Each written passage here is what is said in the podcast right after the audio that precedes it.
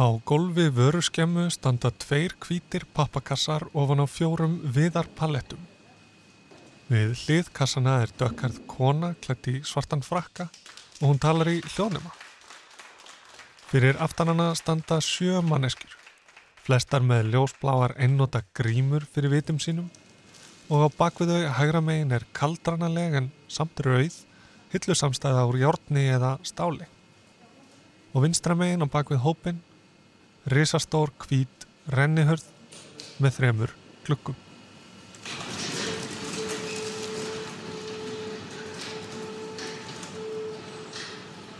Fólkið á myndinni virðist líka nokkuð þreytulegt til augnana.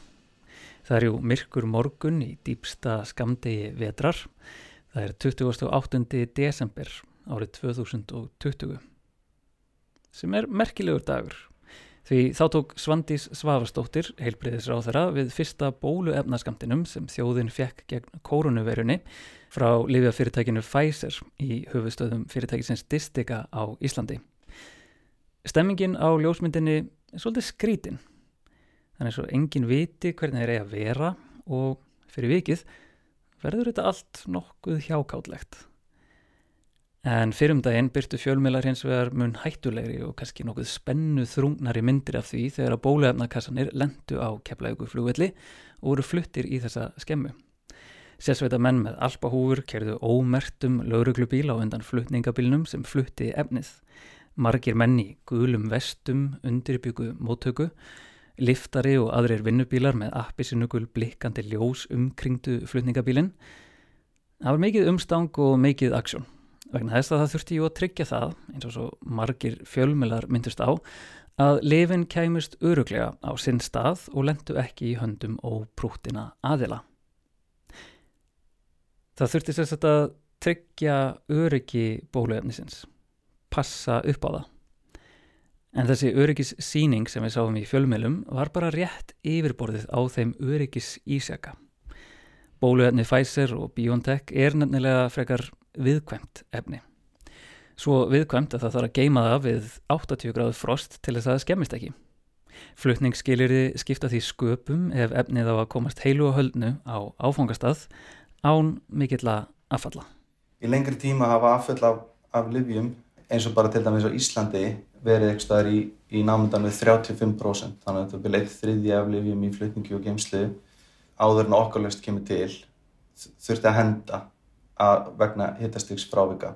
Þetta er Heiðar Eldberg Eiríksson, kervisfræðingur hjá upplýsingatækni fyrirtækinu Controlant. Af því að lausnin okkar fylgjast með þessu nær rauntíma í stað þess að skoða gögnin bara að sendingunni lokinni, þá er hægt að koma í veg fyrir afföll á meðri leið og til dæmis á Íslandi þar sem að, þar sem að lausnin okkar er í nótkundi þess að vakta að ég held meira minna allar lifja geimslur og all lifi flutningum á landinu þá hafa afföllin lækkað úr þetta 35% og, og niður í 0,5% eh, og mörg ár jafnvel 0,3% afföll. Til að tryggja öryggi livja í flutningum eins og bóluhefni Pfizer og BioNTech lítur allt út fyrir að við þurfum nákvæmara eftirlit.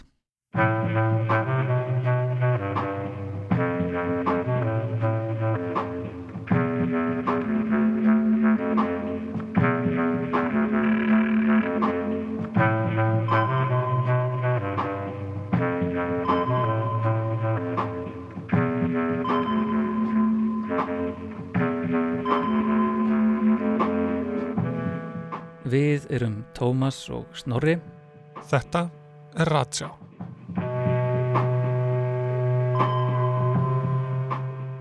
Í þessum þáttum sendum við merki út í veröld vísinda og tækni og segjum frá því sem berst tilbaka. Og í þessari sériu beinum við Ratsjáni að nokkuð umdeildu fyrirbæri eftirliti.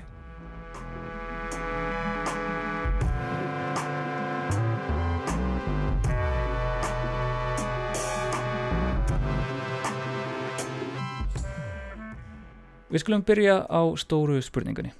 Hver er þessi lausn sem kontrollant býður upp á? Þessi magnaða lausn sem kemur í vekk fyrir að hátt í 35% livja skemmist í flutningum eða gemslum og lækkar þau afföll niður í 0,5%. varan sem við seljum okkar viðskiptvinum er hérna, lítið mælitæki, þetta er á stærðið spilastokk eitthvað slags og þetta er í raun og veru bara örtölva með, með sína einn batteri og GSM uh, bara farsíma mótemi. Þetta tæki vaknar á, á x mínúti fjölda og skoðar hitastíð og tekur svo ákvörðun út frá því hvort að, hvort að hérna, eitthvað þurfum við að láta vita af hitastíks frávikum Eh, en yfir lengri tíma er þessum gögnum safnað saman þau eru sendt, í miðlega skíalust þar sem við getum síðan vakta sendinguna alveg frá byrjun til enda. Eh, tækið nota líka hérna, GSM sagt, eh, stöðvarnar sem, sem það tengist við á leiðinni til þess að áætla staðsningu sína. Þannig að við sjáum bæði staðsningu og hittist því á, á sendingu alveg frá A til Ö og, og vöktum hittist því frá fyrir svona hérna, það sem við kalla hittastegs frávik og, og látum uh, viðskiptavinni eða, eða einhverja viðegandi aðal að vita af frávikum til að geta bröðist og komið vekk fyrir afföll og skemmtir á, á til dæmis livjum eða matvælum í flutningi. Á þessum örlegaríka degi sem við nefndum í byrjun þáttar, 28. desember 2020, þegar að fyrsti bóluhefna skamturum barst til landsins, er morgunljóst að livjafyrirtækið Pfizer hafi einmitt versla þessa tiltöknu vöru og þjónustu af kontrolant til að geta fylst náið með flutningi efnisins. Þetta eru sérhannaðir kassar, bólefnin eru sett í, í sérstakt hólf ásamt þurrís til þess að halda hittastíðinu nægilega lágu og inn í þetta hólf setjum við uh, skinnjara. Skinnjarin er síðan með leiðara í, í tækið okkar sem, sem er í svona þart ekki að plássi utan á kassanum til að hafa ekki áhrif á hittastíð inn í sendingunni. Þegar að sendingan á að svo fara að staða þá er hérna, flutningsæðli sem, sem að nota svona skanna bara eins og þið veitir bara svona strykjumerki skanna í verslunum eins og leys og hann sagt, skannar tækið okkar og kassan og gefur til kynna að sendingi sér tilbúin til flutnings þá fer tækið að fylgjast með hitastíginu inn í, í þurríshólfinu. Þegar að tækið hefur verið skannað geta það viðskipt á einir kontrolant á borðu Pfizer fylst með sendingu sinni í rauntíma í sérstöku viðmóti sem kontrolant býður upp á. Þar sést hvar sendingin er stödd hverju sinni á samt upplýsingum um hitastig inn í þessum sérhönnuðu bóluhefna kössum. Ekkert veginn fæ ég á tilfinninguna að þessi tækni sé ekkert svo ósvipuð tækninni sem pítsufyrirtæki bjóða viðskiptavinnum sínum upp á í dag. Þar sem við, viðskiptavinnur pítsustada, getum fylst gróflega með framgangi pöntunar okkar frá því að fyrirtækið mótekur pöntun og alveg þar til að við fáum hana upp að dyrum. En með grunar að í tilfelli kontróland sé ferlið tölvert ítarlegra og flóknara. Til dæmis þurfa þau að hugsa fyrir öllum þeim mögulegu hindrunum sem fylgja einni flugferð.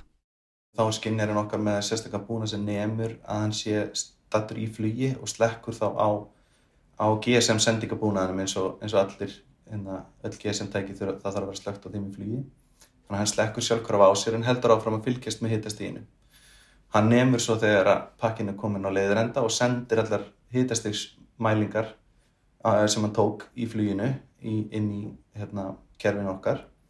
Og þá getur viðskiptavinnurinn líka séð hvernig hérna, ástandi var í fluginu og, og sömulegis að pakkin sé komin á, á leiðrenda við erum svo með uh, ákveðin, ákveðina svona hérna, fítusa í okkar kerfi sem að sem að jáfnframt nema það að þegar pakkin er komin á, á leiðarenda að þá er sagt, uh, farið yfir að hitastisköknin sé í lægi og lifin þá sjálfvirt samþygt til uh, neyslu. Þau eru vottuð örug samkvæmt hérna, skilgreiningu lifið framlegandins á því hvernig lifið á að, að hérna, geimast í flutningum. Þetta er alveg magnaður fítus. Í flestum tilfellum þurft að byrja að taka saman öll þessi gögn þegar að lifin eru komin á leiðarenda og senda þau síðan til lífjaframleiðenda á borðið Pfizer og fá svo sérstaklega vottun frá þeim til að geta loksins útskrifa lifin úr flutningum og til neyslu. En kontrollant er í rauninu búið að sjálfvirkni væða þetta ferli. Þeirra kerfi nefnur allt flutningsferlið sjálfvirt og getur því útskrifa lifin örug til neyslu einlega um leið og þau komast á leiðarenda. Þannig að þegar við horfum á fréttamindir af mönnum í gulum vestum, byrja kvítu bóluefnakassana úr fraktflugilinni undir vökulum augum sérsveitamanna með alpahúr, þá eru búnaður kontróland líklega þegar búin að vinna mikilvægustu öryggisvinnuna og útskrifa lifin stafrænt úr flutningum ámarkað örug til neyslu. En svona rauntíma gagnasöfnun gefur fyrirtækinu líka alveg einstaka yfir sín. Uh, yfir lengri tíma er svo hægt að fylgjast með náttúrulega uh, öllum sendingum yfir lengri tíma og átta sig kannski á veikum hlekkjum í flutningskæðinni, uh, finna kannski ákveðna flugvelli eða, eða ákveðna flutningsleðir sem eru líklegri til að leiða til hittastiks frávika og, og, og laga flutningskæðina sína að þeim, þeim hlutum. Þannig að þetta er mjög svona til lengri tíma liti þegar öll gögnin eru tekinn saman og, og unni úr þeim. Það er með þessari yfirsýn sem gagnasöfnunin veitir til lengri tíma sem við getum best að framistuðu okkar á ákveðnum vettfangi eins og í flutningi livja eða matvæla. Við tryggjum að mikilvæg efni eins og bóluefni, insúlin eða jafnvel blóð eða bara mjölk, skýr eða fiskur komist heilu og höldnu á milli staða án þess að skemmast. Sem er vissulega mikilvægt um þessar myndir á tímum heimsfaraldurs Við þurfum ekki að framleiðins mikið umframmagn af bóluefni eða öðrum veirulifjum til að stemma stiku við afföllum í flutningum. Og ef við beitum þessu síðan á matvæli í framtíðinni munum við spara heilan helling af uppskýru heimsins sem mun verða sífelt mikilvægara í skugga hamfara hlínunar. Og allt byggir þetta á eftirliti.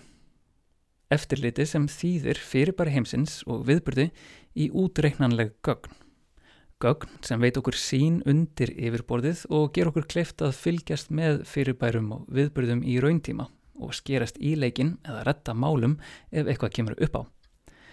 Þökk sé þessari tegund af eftirliti þá þurfum við ekki lengur að sætt okkur við mikla óvissu og áður. Þurfum ekki að giska í margar eyður. Þurfum ekki að taka heilt trúarstökk þegar við setjum bóluefni um borð í flugvill. En þessi gagnasöfnun á sér langa og stormasama sögu og hún byrjar eiginlega út í buskanum. Það er að segja í loftinu. Allt í kringum okkur. Förum aðeins aftur í tíman.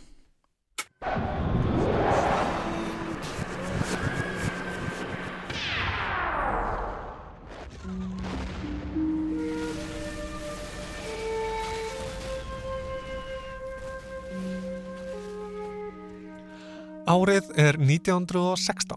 Í Evrópu og víðar geysar stríð. Í Fraklandi er ennskur sjúkraflutningamaður á vikstöðunum en stríðið á ekki hug hans allan. Því hann er með hugan í skíunum, gerir mest í því að pæla í veðrinu. En ekki bara hvernig það horfir við út um gluggan, því hann hefur mestan áhuga á hvernig hlutinir eru frekar en hvernig þeir kunna að verðast. Með nokkra áratugju af veðurmælingum í farteskinu er hann búin að leiða át reiknireglur og heldur hann sér dottinn niður á aðferð til að spá fyrir um veðrið. Til að prófa aðferðina sína er hann búin að sapna saman gögnum um veðrið þann 10. mæ árið 1910 sem spanna alla álfuna. Markmiðið er að beita reiknireglunum á tölurnar frá því klukkan 7 þann morgunin og reikna sig 6 klukkustundir fram í tíman til klukkan 1 eftir hádegi. Það tekur hann nokkrar vikur bara að skrifa gögnin upp á þartilgerð rekniblöð. En svo hefst hann handa með ekkert af vopni nema blað, blíjant og eigin rekningetu. Vikurna líða og útrekningarnir ganga vel. Hann tekum við af loftrýstingi og hitastígi, samspili vindana og úrkomu og skráir niðurstöðunar samvisku samlega. En þegar hann berðar svo saman við raunverulegar mælingar kemur í ljós að honum hefur mistekist hrapalega. Tölurnar stemma bara alls ekki. En það skiptir ekki öllu máli. Næstu árin fingbúsar hann aðferðir sínar og gefur út í bókinni Weather Prediction by Numerical Process. Þetta var Lewis Fry Richardson, einn af frumkvöðlum nútíma veðurspáa. Og aðferðir hans virkuðu en þær voru afskaplega seinlegar í framkvæmt. Það var engin leið að halda í við hraða veðursins sem eins og við Íslandingar vitum að þetta vel getur breyst á sveip stundu. En árið 1950 kom loks á sjónasviði tölva sem gæti reiknað út 24 stunda veðurspá en það tók hana reyndar um 24 klukkutíma að gera spána. En þá voru menn nokkurn veginn búin að ná í skottið á veðrinu og innan skams tókst að taka fram úr því. Í dag eru veðurmælingar og veðurspár hlutir sem við göngum að vísum. Nú búum við að vísindalegri þekkingur sem við getum gert eitthvað við, eða allavega aðhafst út frá. Og það er þannig sem þýðingar okkar á viðburðum og fyrirbærum heimsins í útreiknaleg gögn færa okkur áreðanlega vittnesku. Þau leysa hjátrú og þumalbutta reglur af hólmi og færa okkur úr fortíðinni og fram í, í bílstjórasætið. Eftirlit og gagnarsöfnun eins og kontrollant stendur fyrir virkar vegna þess að það veitir insýn inn í ákveðið svið veruleikan sem áður var okkur hulið. Réttar breytur eru skilgreyndar og mældar með nákvæmum hætti og unnið er úr gögnunum á nægilegum hraða til þess að hægt sé að nýta þau í rauntíma, ekki bara eftir á þegar það er orðið of seint. Veðurhorfur á landinu til miðnettis annað kvöld. Suðurland, sunnan og suðaustan 3-10 metrar á sekundu en 8-13 með ströndinni í nótt. Súld eða regning með köplum og hitti 3-10 stygg. En af hverju eru við að tala um veðrið? Jú, því við sjálf erum svo litið eins og veðrið. Okkur er falið að takast á við eitt stykki tilvist og fáum til þess ódreiknanlegan hug og líkama sem er flókin vél í enn flóknari heimi. Þetta getur verið svolítið bastl. Innra með okkur bærast vindar og ströymar, stormar og þrýstingur rétt eins og í andrumsloftinu sem gerir það svolítið snúið að koma böndum á hlutina, tilenga sér rútinu og reglu. Við þekkjum það flest að þegar skrokkurinn er í góðu standið þá líður okkur betur. Hugurinn er skarpari og allt svolítið auðveldara og aðeins betra. En eitt af því sem þvælist oft fyrir okkur er að við vitum ekki alltaf hvað er í gangi. Höfum ekki beinan aðgangað sjálfum okkur.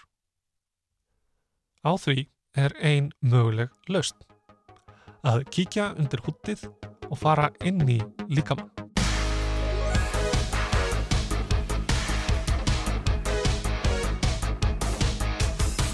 Á hverjum morgni spenna miljónir manna á sér litla veðuratöguna stöð fyrir líkamann. Ég er einn af þeim og kannski ert þú það líka. Ég er að sjálfsögðu að tala um snjallúrin og heilsu armböndin sem hafa rutt sér til rúms síðustu árin.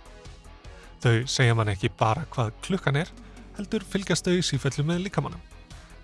Tilgangur þeirra er að veita okkur insýn í starfsemi líkamanns og hjálpa okkur þannig að taka betri ákvarðanir og já, lifa hilsusamleira lífi.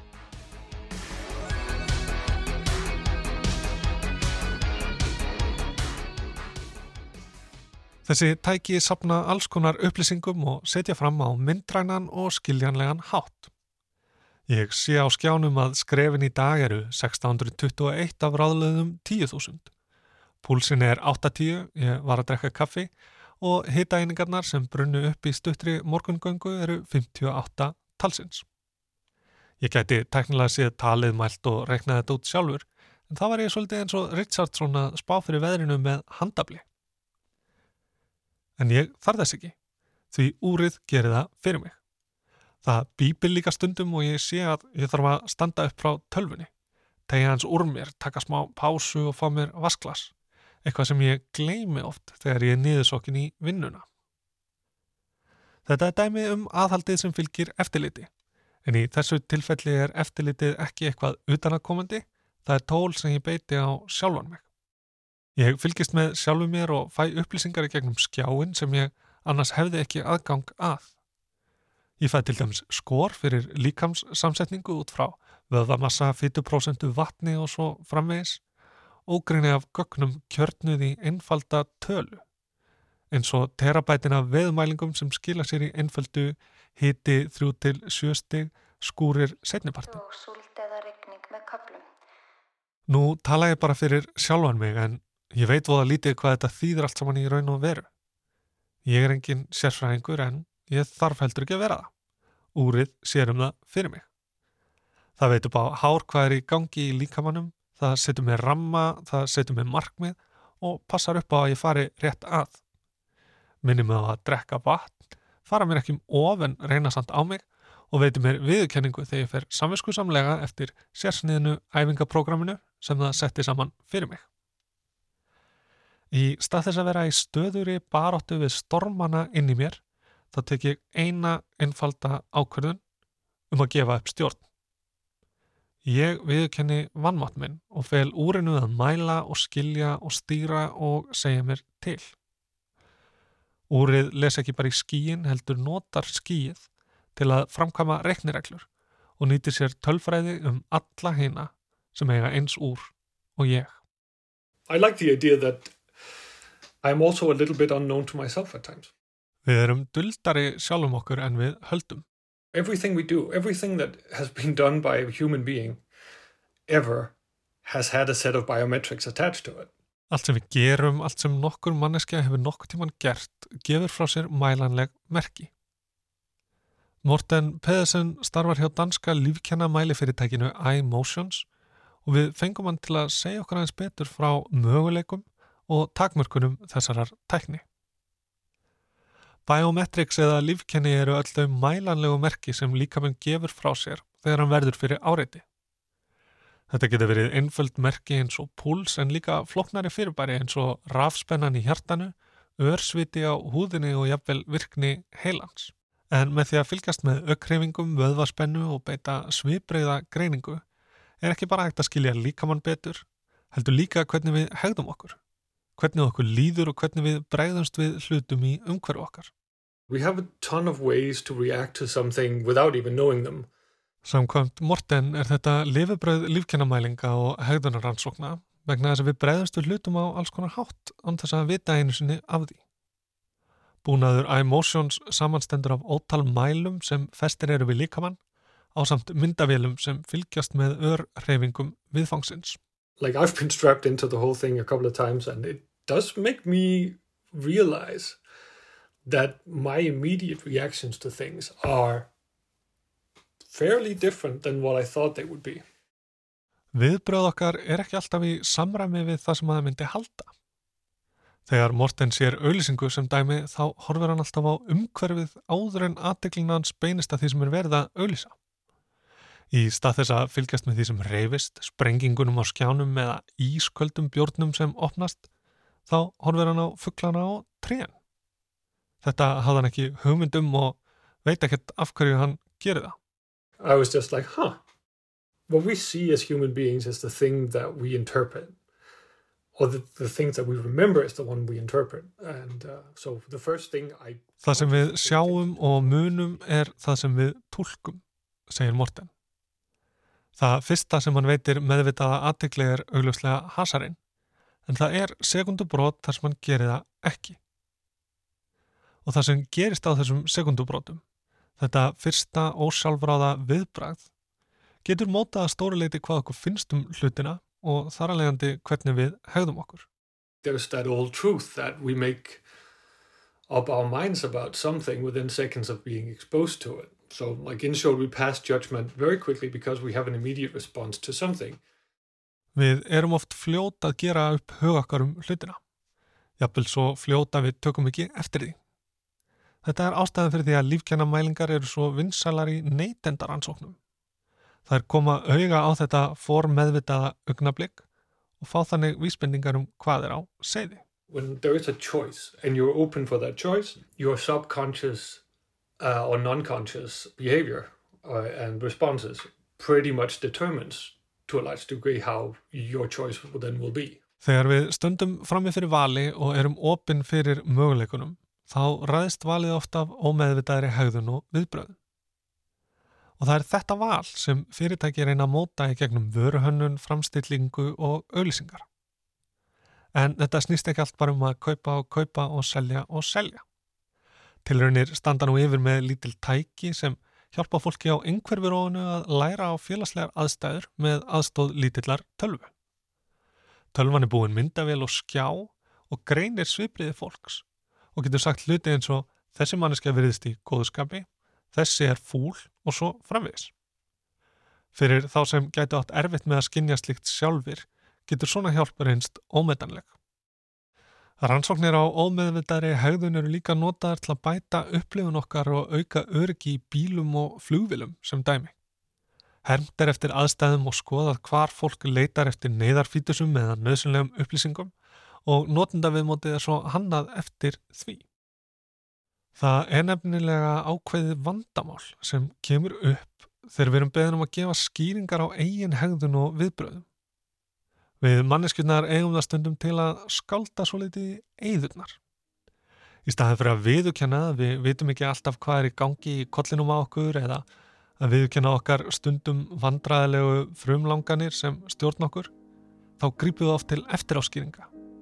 Tínum til ástæður sem stemma ekkert endilega við ósjálfráð viðbröð. Svona kemur tæknin upp um okkur þegar við erum að þoknast rannsakendum eða þegar svörun okkar eru kannski frekar mótið af menningu en veruleika. Politískri réttöksun fremur en kendum sem við viljum ekki horfast í auguvið. Við segjum núna skilið við þá tækni og rannsóknir sem iMotions tekur þátt í að þróa og stunda, bara svo það sé alveg á hreinu. iBorder Control is an intelligent border control system that's being developed as part of the Horizon 2020 program funded by the European Union. Á landamærum nokkura Evrópuríkja voru það ekki hefðbunir landamæraverðir af holdi og blóði sem tóku á móti fólki, heldur fór landamæra eftirlitið fram í gegnum og af tölvum. Þar voru hluti af kerfi sem kallaðist iBorder Control. Við heyrum hér brot úr kynningamindbandi þar sem Dr. Keely Crockett lýsir hvernig búnaðurinn virkar. Yfirlýstur tilgangur var að flýta fyrir og sjálfvirkni væða landamæra eftirlit en helsta nýjungin var nútímalegur legamælir sem gekk undir namninu blekkingamælirinn og byggði á gerfigrind. Ætlunin með honum var að sjá hvort grunaðir flótamenn væruð að segja satt eða ekki. iBorder Control var búið ímsum lífkennimælum ásand svipriðagreiningu og flótamennu voru látnir svara spurningum á meðan kerfið greindi trúverðuleika þeirra. How does it do this? Well, it uses non-verbal behaviour, very, very fine-grained micro gestures. So we're not looking at... Myndavél nemur óyrta hegðun, ekki brós eða fílusvip heldur smágerðar reyfingar augna, til dæmis.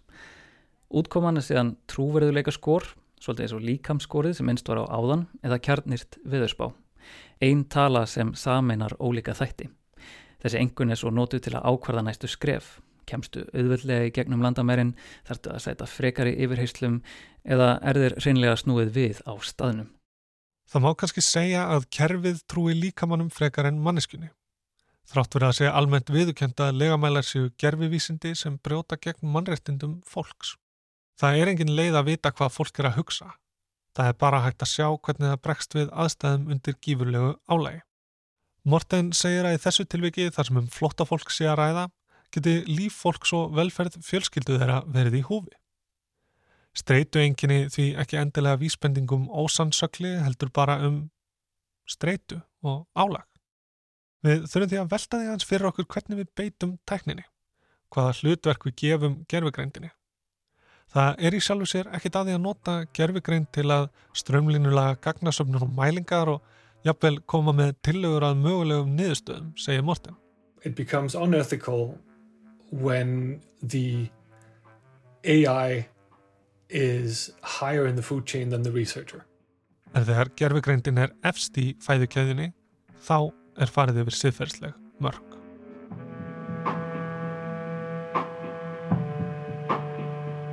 Í þessum stuttaþætti höfum við skoðað hvernig beita má eftirliti og hvernig má vinna úr þeim upplýsingum sem af því hlýst til að öðlast insýn inn í áður óþægt svið veruleikans. Fyrirbæri og viðburður heimsins eru mældir, flokkaðir og reiknaðir og gögnin sett fram á einföldu og skiljanlegu formi. Með gögnunum vörpum við ljósi á framtíðina og skipnumst undir yfirborð hlutana til að tryggja öryggi okkar, þægindi og þekkingu. Á endanum snýst þetta allt saman um að búa til tæki sem geta tekið meiri upplýsingar og unnið úr þeim hraðar og betur en við sjálf. Það gildir um bóluefnin, það gildir um veðrið, það gildir um snjallúrin, hegðun okkar og viðbröð. Við skulum leifa Morten að eiga loka orðið. You basically stand in a very big funnel of information that you need to make sense of at any given point in your life. Like við erum umkrynd upplýsingum sem þurfum að fara í gegnum síu svo við getum áttað okkur á veruleikanum og ef við treystum á tæki og tól til að komast að niðurstöðum fyrir okkur, þá geta blæbreyði og merking þessara upplýsinga og tilfinninga glatast. Það er hættulegt og við verðum að vera sjálf síðasta síjan. Það á við um rannsakendur, það á við um þá sem sapna gögnum, það á við um okkur sem vennulegt fólk. Það er mikilvægt að þú takir loka ákverðunina í öllu sem viðkemur þér sjálfri og öðru fólki. It's, it's, it's very important that you are the one who makes the last decision in anything that relates to you or other people.